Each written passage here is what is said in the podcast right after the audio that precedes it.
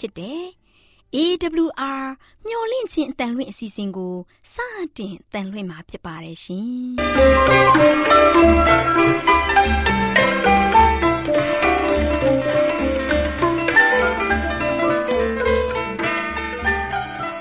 ဒေါက်တာရှင်များခင်ဗျာ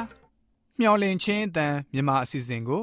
နက်နက်6နိုင်မိနစ်30မှ9နာရီအထိ16မီတာ kHz 10653ည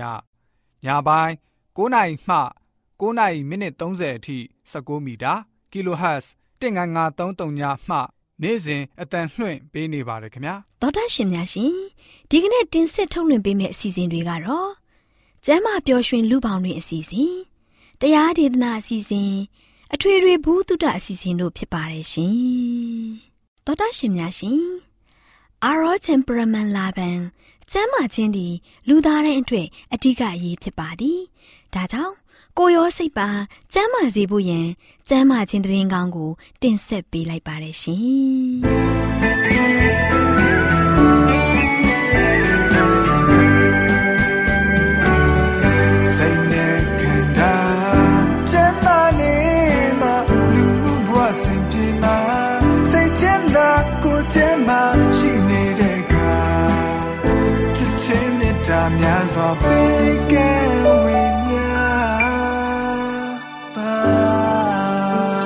ရှင်များရှင်ကျမ်းမာပျော်ရွှင်လူပေါင်းတွင်ကျမ်းမာရေးကဏ္ဍမှာကျမခိုင်နေကျမချစ်စွန်းလေးလာထားတယ်တင့်နှလုံးအတွက်အကောင်းစားအစီဆိုတဲ့အကြောင်းကိုဆွေးနွေးတင်ဆက်ပေးသွားမှာဖြစ်ပါတယ်ရှင်။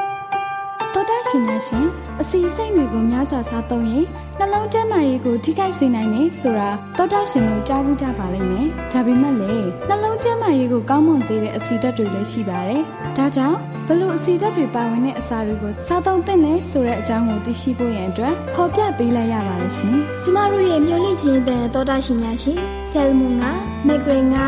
စာရင်းငါနဲ့ဒူနာငါအစရှိတဲ့ငါတွေမှာအိုမီဂါ3 fatty acid ဆိုတဲ့အကျိုးပြုအဆီပါဝင်နေပါတယ်။အဲဒါကြောင့်ဖော်ပြပေးခဲ့တဲ့ငါးတွေကိုတစ်ပတ်မှနှစ်ကြိမ်စားသုံးပေးခြင်းဖြင့်တောတာရှင်တို့ရဲ့နှလုံးကိုကျန်းမာစေပြီးဉာဏ်ရည်ကိုလည်းထက်မြက်စေပါတယ်ရှင်ဟုတ်ပါတယ်ရှင်သောတာရှင်တို့ကိုထောပတ်သီးရဲ့ကျန်းမာရေးအကျိုးပြုပုံအကြောင်းကိုလည်းဆက်လက်ဖော်ပြပေးကြပါမယ်ထောပတ်သီးမှာပါဝင်တဲ့မူလိုမပြည့် ဝစီဟာနှလုံးကျန်းမာရေးကိုအကျိုးပြုစေပါတယ်အရသာရှိတဲ့ထောပတ်သီးကိုဖြောရည်ဖြစ်တောက်သုံးပေးမယ်ဆိုရင်နှလုံးကိုကျန်းမာစေပြီးအယုံစစ်ရောင်ယောဂတွေကိုလည်းတက်တာစေပါတယ်ဒါအပြင်ထောပတ်သီးကိုတခြားအစာတွေနဲ့တွဲစားရင်အာ ဟာရဓာတ်ကိုပုံမှုစုံယူနိုင်စွမ်းကောင်းစေပါတယ်ဆိုတော့ထောပတ်သီးရဲ့ကျန်းမာရေးအကျိုးပြုပုံကိုလည်းမှတ်သားသိရှိစေချင်ပါတယ်ရှင်။တောတာရှင်တို့ရဲ့နှလုံးလေးကျန်းမာစေဖို့မပြေဝစီပါဝင်တဲ့ရွှေပြုံစင်နေကြစည်းနဲ့နှမ်းစည်းတို့လိုအစီအစဉ်တွေကိုစားသုံးပေးရမှာဖြစ်ပါတယ်။ဒါအပြင်အိုမီဂါ3 fatty acid ပါဝင်တဲ့အခွန်မာသီးတွေကိုစားသုံးပေးရင်လည်းနှလုံးကိုကျန်းမာစေပါတယ်။အဲဒါကြောင့်တောတာရှင်တို့ရဲ့နှလုံးလေးကျန်းမာဖို့ဖော်ပြပေးခဲ့တဲ့အစာတွေကိုရွေးချယ်စားသုံးသင့်ပါတယ်ရှင်။ နောက်ထပ်မှတ်သားစရာအချက်တစ်ချက်ကတော့ဟင်းရတောက်ရမှာဖြစ်စေဟင်းချက်ရမှာဖြစ်စေတန်လွင်စီဖြင့်အသုံးပြုစေချင်ပါတယ်။ဘာကြောင့်လဲဆိုတော့တန်လွင်စီမှာပါဝင်တဲ့အဆီဓာတ်ကနှလုံးကိုကျန်းမာစေတဲ့အတွက်ကြောင့်ဖြစ်ပါတယ်။ဒါ့အပြင်ဟင်းနုံတွေရဲ့ကိုင်လန်ရွက်အဆရှိတဲ့အစိမ်းညံဟင်းသီးရွက်တွေကိုလည်း omega 3 fatty acid လို့အဆီကောင်းတွေပါဝင်နေပါတယ်။ဒါကြောင့်အဲ့ဒီအရွက်တွေကို တစ်နေ့နှစ်ခွက်ကနေသုံးခွက်အထိစားသုံးသင့်ပါတယ်ရှင်။ဒါမှသာလေနှလုံးကိုပုံမှန်ကျန်းမာစေမှာဖြစ်ပါတယ်ရှင်။တောတာရှင်တို့ကိုဥအမျိုးမျိုးစားသုံးပေးတာကကျန်းမာရေးကိုကောင်းမွန်စေတယ်ဆိုတဲ့အကြောင်းအရာလေးကိုလည်းဆက်လက်ဖော်ပြပေးချင်ပါတယ်။ဥအမျိုးမျိုးမှာမရှိမဖြစ် fatty acid တွေပါဝင်တဲ့အတွက်တစ်နေ့မှာတစ်လုံးစားသုံးပေးခြင်းဖြင့်ကျန်းမာရေးအကျိုးပြုစေတဲ့အဆီကိုရရှိစေပါတယ်။ဒါအပြင်ပဲနီစေပဲပုံစေစားတဲ့ပဲတွေမှာ omega 3 fatty acid လို့ကောင်းတဲ့အဆီတွေပါဝင်နေပါတယ်။အဲဒါကြောင့်တောတာရှင်တို့အနေဖြင့်ပဲအ မျိုးမျိုးကိုစားသုံးပေးရင်စက်ရောကိုပါကျန်းမာစေတယ်ဆိုတဲ့အကြောင်းလေးကိုလည်းဖော်ပြပေးလိုက်ရပါတယ်ရှင်။အဲဒါကြောင့်ကျမတို့ရဲ့မျော်လင့်ခြင်းတန်တော်တာရှင်တို့လည်းမိမိတို့နှလုံးကျန်းမာစေဖို့ဖော်ပြခဲ့တဲ့အစားအစာတွေကိုနေ့စဉ်စားသုံးကြပါစို့လားရှင် သောတာရှင်များရှင် Good Health ကျန်းမာရေးနဲ့အလားပါကြနဲ့အတွဲမှတ်490မှာစာရေးသူကျဲစဉ်ရေးသားထားသောတစ်နှလုံးအတွက်အကောင်းစားအစည်းဆိုတဲ့ကျန်းမာရေးဆောင်မလေးကိုကျမတို့မျှဝင့်ခြင်းအတန်မှကောင်းနှုတ်တင်ဆက်ပေးခဲ့ခြင်းဖြစ်ပါတယ်ရှင်။ကျေးဇူးတင်ပါတယ်ရှင်။တော်ရှင်များကျမ်းမာတော်မူကြပါရဲ့လားခင်ဗျာမြန်မာပြည်သူပြည်သားအပေါင်းရှင်လန်းချမ်းမြေတော်မူကြပါစေဓမ္မသက်မြို့သွားရာ လမ်းမပေါ်မှာဆိုတဲ့ခေါင်းစဉ်နဲ့ဟောကြားသွားမှာဖြစ်ပါတယ်။ရှင်ဘောလူဓမ္မသက်မြို့သွားတဲ့လမ်းခရီးကအေဗယ်တောင်တန်းကြီးနဲ့ဂရဇင်းတောင်တန်းကြီးနှစ်ခုကြားယာကုပ်ရည်တွင်အနီးစိုက်ကယ်ရှေးဟောင်းမြို့ကြီးကိုကျော်ဖြတ်သွားရပါတယ်။ဒီလမ်းခရီးအကြောင်းကစိတ်ပါဝင်စားစရာအလွန်ကောင်းပါတယ်။စိတ်ပါဝင်စားစရာကောင်းတဲ့ချက်ကတော့ဒီလမ်းကြောင်းတိုင်းအာဗြဟံဣဇက်ယာကုပ်ပရောဖက်ကြီးများနဲ့ရှင်မင်းများအပြင် သခင်ယေရှုခရစ်နဲ့တပည့်တော်များလည်းဒီလမ်းကြောင်းကိုရှောက်လှမ်းသွားခဲ့ဘူးကြပါတယ်။ရှင်ဘောလူဟာရှင်မာရိနယ်ကိုကြော်ဖြတ်လိုက်တာနဲ့မြင့်မားတဲ့ဟာမုံတောင်ကိုလှမ်းမြင်ရပါပြီ။တော့အသွဲသေးတောင်ထထနဲ့အပူဒဏ်တွေကိုခံစားပြီးဓမ္မသက်မြို့ကိုခီးနှင်လာခဲ့တာတဖြည်းဖြည်းနဲ့ဓမ္မသက်မြို့စီကိုနီးကပ်လာနေပါပြီ။ရှေးအကြဆုံးဖြစ်တဲ့ဓမ္မသက်မြို့ကြီးစီရှင်ဘောလူဘာကြောင့်ခီးနှင်လာခဲ့ပါသလဲ။ခရိယန်တွေကိုဖမ်းဆီးတပ်ပစ်ဖို့ ခီးနှင်လာခဲ့ခြင်းဖြစ်ပါတယ်။ဓမ္မသက်မြို့အကြောင်းကလည်းစိတ်ပါဝင်စားစရာပါပဲ။သူနဲ့အတူထင်ပေါ်ကြော်ကြားလာခဲ့တဲ့အခြားမြို့ကြီးတွေပျက်စီးကွယ်ပြောက်သွားကြပေမဲ့ဓမ္မသက်မြို့ကြီးကတော့ခဏတိုင်းပန်းပန်လျက်ပါပဲခင်ဗျာ။ဥပမာအနေနဲ့အလွန်ကြီးကျယ်ခမ်းနားလာတဲ့ဘေဘီလုံမြို့ကြီးကိုပြန်ကြည့်လိုက်ပါ။ဘေဘီလုံမြို့ကြီးဟာဒီကနေ့ကမ္ဘာပေါ်ကကွယ်ပြောက်သွားခဲ့ပါပြီ။ဒီကနေ့မြို့ပြက်ကြီးအဖြစ်နဲ့သာတည်ရှိနေတာတွေ့ကြပါတယ်။ဒါပေမဲ့ဓမ္မသက်မြို့ကြီးကတော့ဒီနေ့အထိတည်နေသေးပါ။ ဓမ္မသက်မြို့ကြီးဘလောက်အထိရှိကြခဲ့ပါသလဲအာဗြဟံရဲ့ကျွန်အီလျာဇာဟာဓမ္မသက်မြို့သားပါစီးရီးယားစစ်ဗိုလ်ချုပ်ကြီးနေမန်ဟာလည်းဓမ္မသက်မြို့ကလာခဲ့တာလို့တာမန်ကျမ်းစာမှာဖော်ပြထားတာတွေ့ရပါတယ်ရှင်ဘောလူအကြောင်းကိုပြန်ဆက်ကြပါအောင်စို့ရှင်ဘောလူတို့အဖွဲ့ဓမ္မသက်မြို့ကြီးအနီးကိုရောက်ရှိလာပါပြီမြို့ကြီးကိုထင်ထင်ရှားရှားမျက်ဝါးထင်ထင်တွေ့မြင်နေကြပါပြီအချိန်ကတော့ပူပြင်းတောက်ပနေတဲ့နေမွန်းတဲ့အချိန်ပါအဲ့ဒီအချိန်မှာရုတ်တရက်မမျှော်လင့်ပဲ ဘ ഹു တုတတစ်ခုနဲ့ရင်ဆိုင်တွေ့လိုက်ရပါတယ်။အဲ့ဒီဖြစ်ပျက်ကသူ့ရဲ့အသက်တာကိုပြောင်းမြန်ပြန်လှန်ပစ်လိုက်တယ်လို့ပြောင်းလဲသွားစေခဲ့ခြင်းဖြစ်ပါတယ်။ဓမ္မသက်မြို့ကြီးအနီးကိုရောက်တဲ့အခါမှာနေတဲ့မကတောက်ပတဲ့လင်းရောင်တန်းကြီးကရုတ်တရက်ရှင်ဘောလူပေါ်ကိုကြားရောက်လာခဲ့ပြီးအလွန်တောက်ပလွန်းတဲ့အလင်းရောင်များကြောင့်ရှင်ဘောလူရဲ့မျက်စိနှလုံးမျက်စိနှစ်ကွင်းအလင်းကွယ်ပြောက်သွားခဲ့ရပါတယ်။ ဒါလည်းမကသေးပါဘူးရှင်ပေါလုဟာမြေကြီးပေါ်မှာလဲကျသွားခဲ့ပါတယ်မြေကြီးပေါ်မှာလဲကျနေတဲ့အချိန်မှာအတန်တန်ဘယ်လိုပြောလိုက်ပါသလဲဆိုတာကိုတမန်ကျမ်းစာမှာကျွန်တော်ဖတ်ပြပါမယ်တမန်တော်ဝုဒ္ဓခန်းကြီး9အခန်းငယ်4ကနေ6ရှောလူရှောလူအဘယ်ကြောင့်ငါ့ကိုညှင်းစေသနည်းဟုပြောသောစကားသံကိုကြားလင်သခင်သခင်ကိုတော်သည်အဘယ်သူနည်းဟု မေးလျှောက်၏သခင်ဖျားကလည်းငါကသင်ညှင်းစေသောယေရှုဖြစ်သည် ထ၍မြို့တွင်သို့ဝင်လောတင်ပြုရမည့်အမှုကိုပြောလိမ့်မည်ဟုမိန့်တော်မူ၏ချစ်တော်တော်ချင်းပေါင်းတို့ခမညာဒီဖြစ်ပျက်ဟာအိမ်မက်မဟုတ်ပါဘူးဒီဖြစ်ပျက်ဟာယူပါယုံလည်းမဟုတ်ပါဘူးဒီဖြစ်ပျက်ဟာစိတ်ဆွဲလန်းလွန်းလို့စိတ်ထဲမှာဖြစ်ပျက်လာတဲ့ထင်မြင်ကြလည်းမဟုတ်ပါဘူးစတေဖန်သေဂာနီကိုထင်ရှားပြခဲ့တဲ့သခင်ယေရှုခရစ်ဟာယခုရှင်ပေါလုကိုလည်းမျက်ဝါးထင်နေကိုရောင်ထင်ရှားပြခဲ့ခြင်းဖြစ်ပါတယ် ရှင်ပေါလုကိုယ်တိုင်သူ့ရဲ့ကိုယ်ရိဗဟုသုတကိုဘယ်လိုသက်သေခံထားပါသလဲဆိုတာကျွန်တော်တာမန်ကျမ်းစာမှာဖတ်ပြပါရစေ။ကောရိန္သုဩဝါဒစာပထမဆုံးခန်းကြီး9ခန်းငယ်1ငါသည်သခင်ယေရှုခရစ်ကိုကိုယ်တိုင်မြင်ရပြီ။ချစ်တော်တော်ရှင်ပေါလုခင်ဗျာသခင်ယေရှုခရစ်တည်ခြင်းကနေရှင်ပြန်ထမြောက်ပြီးတဲ့နောက်ရှင်ပေါလုကသခင်ယေရှုခရစ်ကိုကိုယ်တိုင်တွေ့မြင်ရတယ်လို့မှတ်တမ်းတင်ထားတာတွေ့ရပါတယ်။ကောရိန္သုဩဝါဒစာပထမဆုံးခန်းကြီး15အငယ်9ကနေ10ကိုလည်းကျွန်တော်ဖတ်ပါဦးမယ်။ ကေဖသည်ကိုတော်ကိုမြင်ရပြီးမှတကြိတ်နှစ်ပါးသောသူတို့သည် မြင်ရကြ၏ထို့နောက်ညီကို900မကတပြိုင်နက်မြင်ရကြ၏ထို့နောက်ယာကုပ်မြင်ရ၏ထို့နောက်တမန်တော်အပေါင်းတို့သည်မြင်ရကြ၏နောက်ဆုံး၌ငါမြင်ရ၏သခင်ရှုခရစ်သေခြင်းကနေရှင်မြန်ထပြောက်ပြီးတဲ့နောက်လူပေါင်း900ကျော်တွေ့ကြရပါတယ်တဖန်ကောင်းငင်ကိုပြန်တက်ပြီးတဲ့နောက်ပိုင်းမှာနောက်ဆုံးသခင်ရှုခရစ်ကိုတွေ့ရတဲ့ပုဂ္ဂိုလ်ကတော့ရှင်ပေါလုဖြစ်ပါတယ် တေခြင်းကနေရှင်ပြန်ထမြောက်ပြီးတဲ့နောက်သူ့ကိုယ်တိုင်မြင်ရတယ်လို့တက်တည်ခံထားတဲ့အချက်ကိုလည်းဖတ်ကြည့်ကြပါဦးစို့တမန်တော်ဝုဒ္ဓအခန်းကြီး9အခန်းငယ်7ကနေ18ညီလျှောလူသင်လာသောလ၌သင်အားထင်ရှားတော်မူသောသခင်ယေရှုခရစ်သည်သင်မျက်စိမြင်မြန်စေခြင်းက၎င်းသင်ကိုတန်ရှင်းသောဝိညာဉ်တော်နှင့်ပြည့်စေခြင်းက၎င်းငါကိုစေခန့်တော်မူသည်ဟုပြောဆို၏ထိုခဏ၌ရှောလူ၏မျက်စိမှငါးကြီးกว่าသကဲ့သို့ဖြစ်၍ မျက်စိမြင်မြန်သဖြင့်ထ၍ဗတ္တိဇံကိုခံယူလေ၏တော်ရရှင်ပေါင်းတို့ခမညာသခင်ယေရှုခရစ်မျက်နာတော်ကထွက်လာတဲ့ရောင်ကြီးတော်ဟာအလွန်တောက်ပလွန်းတဲ့အတွက်တာမာမျက်စိနဲ့ကြည့်လို့မရနိုင်ပါဘူးတာမာမျက်စိနဲ့ကြည့်မိတဲ့ရှင်ပေါလုအတွက်လုံးဝကိုမျက်လုံးများကွယ်သွားခဲ့ရပါပြီရှင်ပေါလုလဲကြရာကပြန်ထလာတဲ့အခါဘာမှမမြင်ရတော့ပါဘူးမြို့ထဲရောက်အောင်သူ့အဖော်တွေကသူ့ကိုတွဲခေါ်လာခဲ့ကြတာပါ မြို့ထဲကိုရောက်ပြီးတဲ့နောက်၃ရက်လုံးလုံးမျက်စိလုံးဝမမြင်ရတော့ပါဘူး၃ရက်လုံးလုံးဘုရားသခင်ဤ၃ရက်လုံးလုံးဘုရားသခင်ဤအပြစ်ဖြေလို့ချင်းခံရဖို့ရယ်ဘုရားသခင်ဤကူညီမားစားမှုရယ်လမ်းပြမှုရရှိဖို့အတွက်အစာရှောင်ဆုတောင်းလျက်နေပါတယ်။ယာနဲ့ကြည့်တဲ့ခရိယန်တွေကိုတတ်ပစ်ခဲ့ပါပြီ။ခရိယန်တွေကိုညှင်းဆဲခဲ့ပါပြီ။နှိပ်စက်ခဲ့ပါပြီ။ဒီအမှုတွေအတွက်နောင်တကြီးစွာနဲ့ဝမ်းနည်းလျက်ရှိပါတယ်။ နှစ်အနည်းငယ်ကြာခဲ့ပြီဖြစ်တဲ့စတေဖန်ကိုဂဲနဲ့ပေါက်တတ်ခဲ့ပုံကိုလည်းပြန်လဲမြင်အောင်မိပါတယ်။သူ့ရဲ့လူမျိုးဆွဲဂိုင်းကနာဆွဲစိတ်တွေနဲ့မထိန်နိုင်မသိမ့်နိုင်ပြုလုပ်မိကြတာကိုလည်းယူကျုံမရဖြစ်ရရှာပါတယ်။ရှင်ဘောလူဟာသူပြုလုပ်ခဲ့တဲ့အပြစ်တွေအတွက်ဆင်ကြီးတွေမပေးပါဘူး။သူမပြောင်းလဲခင်ကသူ့ရဲ့အခြေအနေကိုဘယ်လိုဝန်ခံထားပါသလဲဆိုတာကျွန်တော်ဖတ်ပြပါရစေ။ တိမောသေဩဝါဒသာပထမဆောင်ခန်းကြီး1အခန်းငယ်73ငါသည်ကဲ့ရဲ့သောသူညှင်းဆဲသောသူကြမ်းကြုတ်သောသူဖြစ်၏သို့တော်လည်းတစ္ဆာရှိသောသူဟုထိုသခင်သည်မှတ်၍ဓမ္မဆရာအရာ၌ခံထားတော်မူ၏ထို့သောငါပြုသောအခါယုံကြည်ခြင်းမရှိ အမှန်မသိဘဲငါပြုသောကြောင့်ကရုဏာတော်ကိုငါခံရ၏ရှင်ဘောလူဟာသူလုပ်ခဲ့တဲ့အရာသူတကယ်အမှန်ထင်လို့တကယ်အမှန်တရားကိုနားမလည်ပဲလုံးမိတဲ့အတွက်ကြောင့်ဘုရားသခင်ကခွင့်လွှတ်တာဖြစ်တယ်လို့ သူဖော်ပြထားတာလည်းတွေ့ရပါတယ်ရှင်ဘောလူအနေနဲ့ခရိယန်တွေကို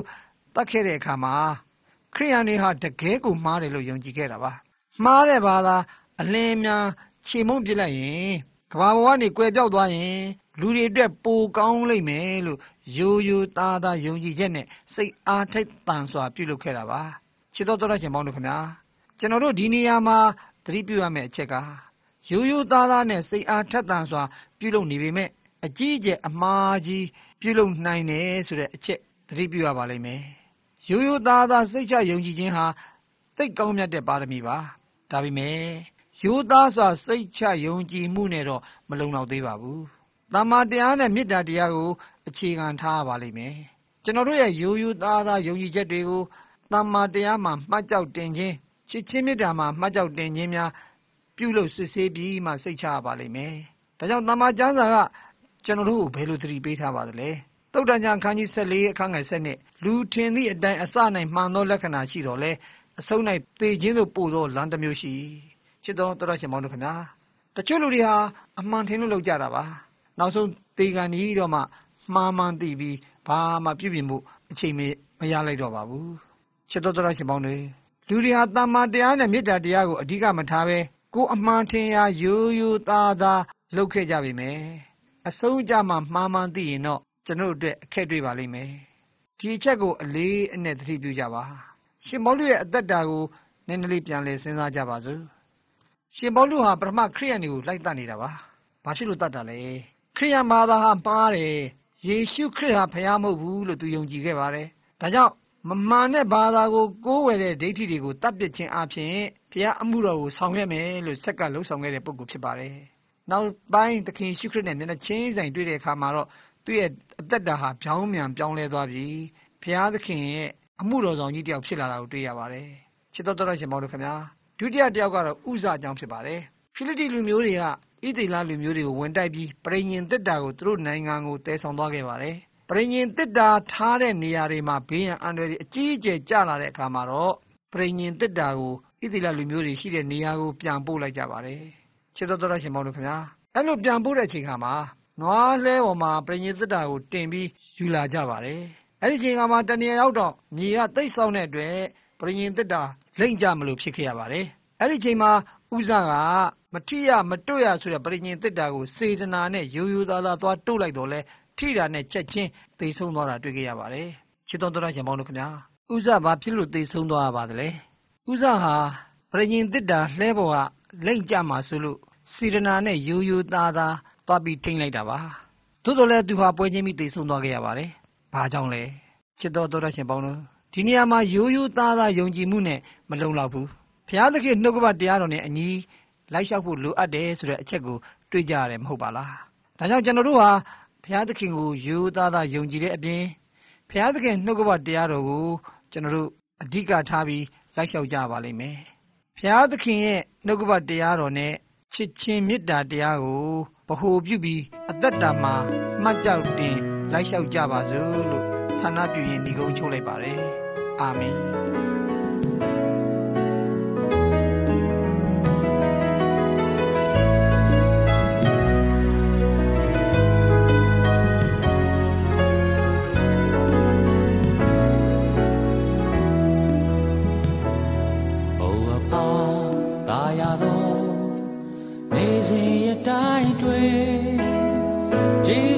多寂寞路不够，少少路不少你吧啦，古多也记住多龙记那，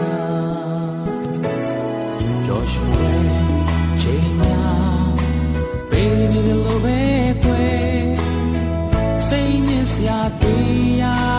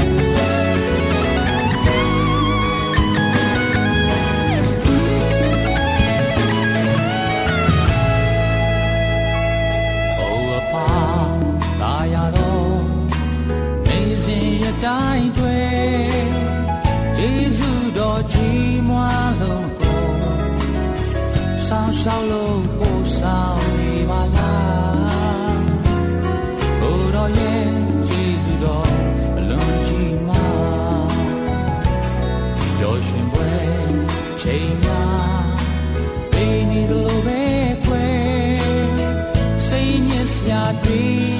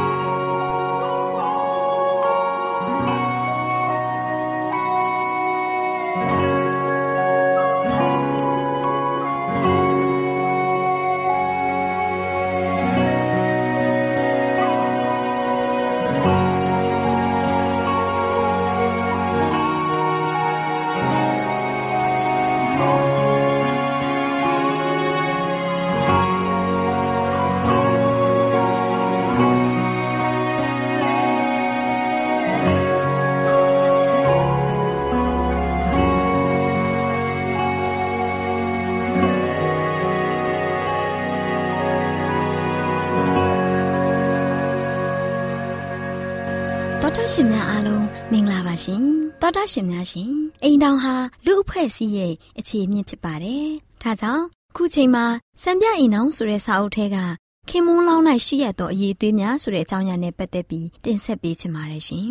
တောတာရှင်များရှင်အမျိုးသမီးများအနေနဲ့အိမ်တောင်မပြုတ်မီကိုနဲ့ရာသက်ပံပေါင်းဖက်ခေးဆက်မဲ့သူဟာကိုနဲ့ထိုက်တန်သူဖြစ်မဖြစ်ကိုစုံစမ်းသင့်ပါတယ်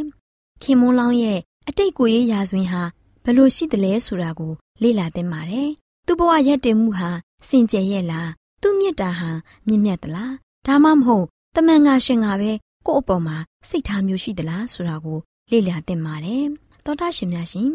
ကိုနဲ့လက်ထက်မဲ့သူဟာသူ့ရဲ့မြတ်တာကိုခိုလုံမဲ့အမျိုးသမီးအတွေ့စစ်မှန်တဲ့ဝမ်းမြောက်ခြင်းနဲ့ငြိမ်သက်ခြင်းကိုပေးနိုင်တဲ့သူဖြစ်ရလားဆိုတာကိုလည်းလေ့လာသင့်ပါတယ်။ဒီမေးခွန်းတွေကို အိမ်အောင်မပြုတ်မီအမျိုးသမီးတိုင်းကစဉ်းစားသင့်ပါတယ်ရှင်။သောတာရှင်များရှင်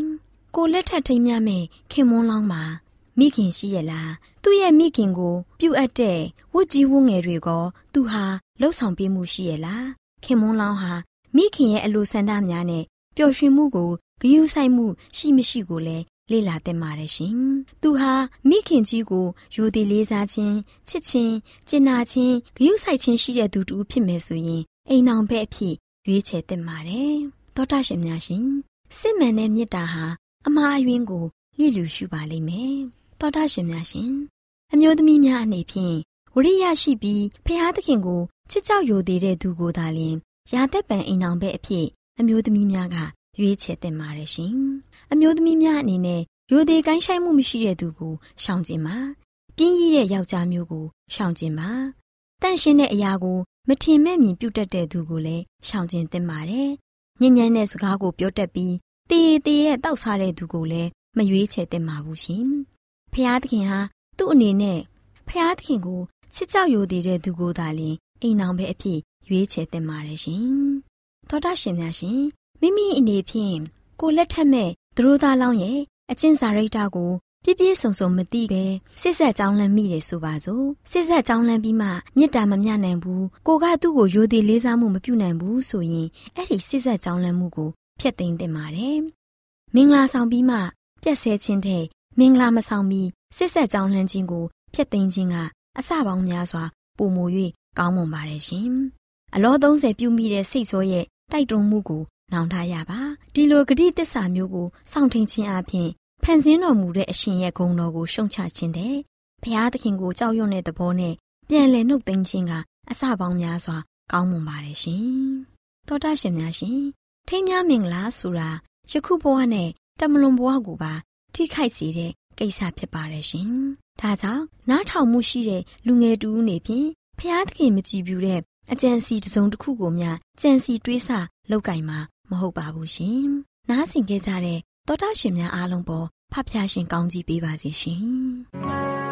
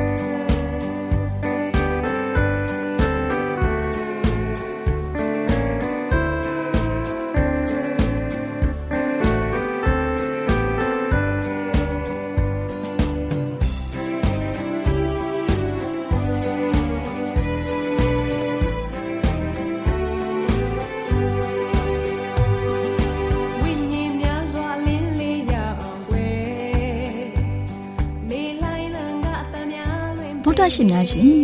ကျမတို့ရဲ့ဗျာဒိတ်တော်စပေးစာယူသင်တန်းဌာနမှာ အောက်ပါသင်တန်းများကိုပို့ချပေးလျက်ရှိပါတယ်ရှင်သင်တန်းများမှာစိတ်ဓာတ်ဒုက္ခရှာဖွေခြင်းခရစ်တော်၏အသက်တာနှင့်တုန်တင်ကြများတဘာဝတရားဤဆရာဝန်ရှိပါကျမ်းမာခြင်းနှင့်အသက်ရှိခြင်းသင်နဲ့တင့်ကြမာရေးရှာဖွေတွေ့ရှိခြင်းလမ်းညွန်သင်ခန်းစာများဖြစ်ပါရဲ့ရှင်သင်တန်းအလုံးဟာအခမဲ့သင်တန်းတွေဖြစ်ပါတယ် ဖြစ်ဆိုပြီးတဲ့သူတိုင်းကိုဂုံပြုလွှာချီးမြှင့်ပေးမှာဖြစ်ပါတယ်ရှင်တော်တာရှင်များခင်ဗျာဓာတိတော်အတန်းစာပေးစာယူဌာနကိုဆက်သွယ်ခြင်းနဲ့ဆိုရင်တော့ဆက်သွယ်ရမယ့်ဖုန်းနံပါတ်ကတော့39 656 296 336နဲ့39 698 316 694ကိုဆက်သွင်းနိုင်ပါတယ်။ဒါ့အပြင်အတန်းစာပေးစာဥထာဏာကိုအီးမေးလ်နဲ့ဆက်သွယ်ခြင်းနဲ့ဆိုရင်တော့ l a l r a w n g b a w l a @gmail.com ကိုဆက်သွင်းနိုင်ပါတယ်။ဒါ့အပြင်အတန်းစာပေးစာဥထာဏာကို Facebook နဲ့ဆက်သွယ်ခြင်းနဲ့ဆိုရင်တော့ s o e s a n d a r Facebook အကောင့်မှာဆက်သွင်းနိုင်ပါတယ်။ဒေါက်တာရှင်များရှင်မျောလင့်ချင်းတန်ရေဒီယိုအစီအစဉ်မှာတင်ဆက်ပေးနေတဲ့အကြောင်းအရာတွေကိုပိုမိုသိရှိလိုပါကဆက်သွယ်ရမယ့်ဖုန်းနံပါတ်များကတော့39ကို663 686 826 ဖြစ်ပါတယ်ရှင်။နောက်ထပ်ဖုန်းတစ်လုံးနေနဲ့39ကို6 6 888 669တို့ဆက်သွယ်မြင်းမြန်းနိုင်ပါတယ်ရှင်။တော်တာရှင်များရှင် KSTA အာကခွန်ကျွန်းမှာ AWR မျိုးလင့်ချင်းအတံမြန်မာအစီအစဉ်များကိုအတံလွှင့်ခဲ့ခြင်းဖြစ်ပါတယ်ရှင်။ AWR မျိုးလင့်ချင်းအတံကိုနာတော်တာဆင် gay ကြတော့တော်တာရှင်အရောက်တိုင်းပေါ်မှာဖျားသခင်ရဲ့ကြွယ်ဝစွာသောကောင်းကြီးမင်္ဂလာတက်ရောက်ပါစေ။ ကိုစိတ်နှဖျားစမ်းမွှေလန်းကြပါစေ။ကျေးဇူးတင်ပါတယ်ခင်ဗျာ။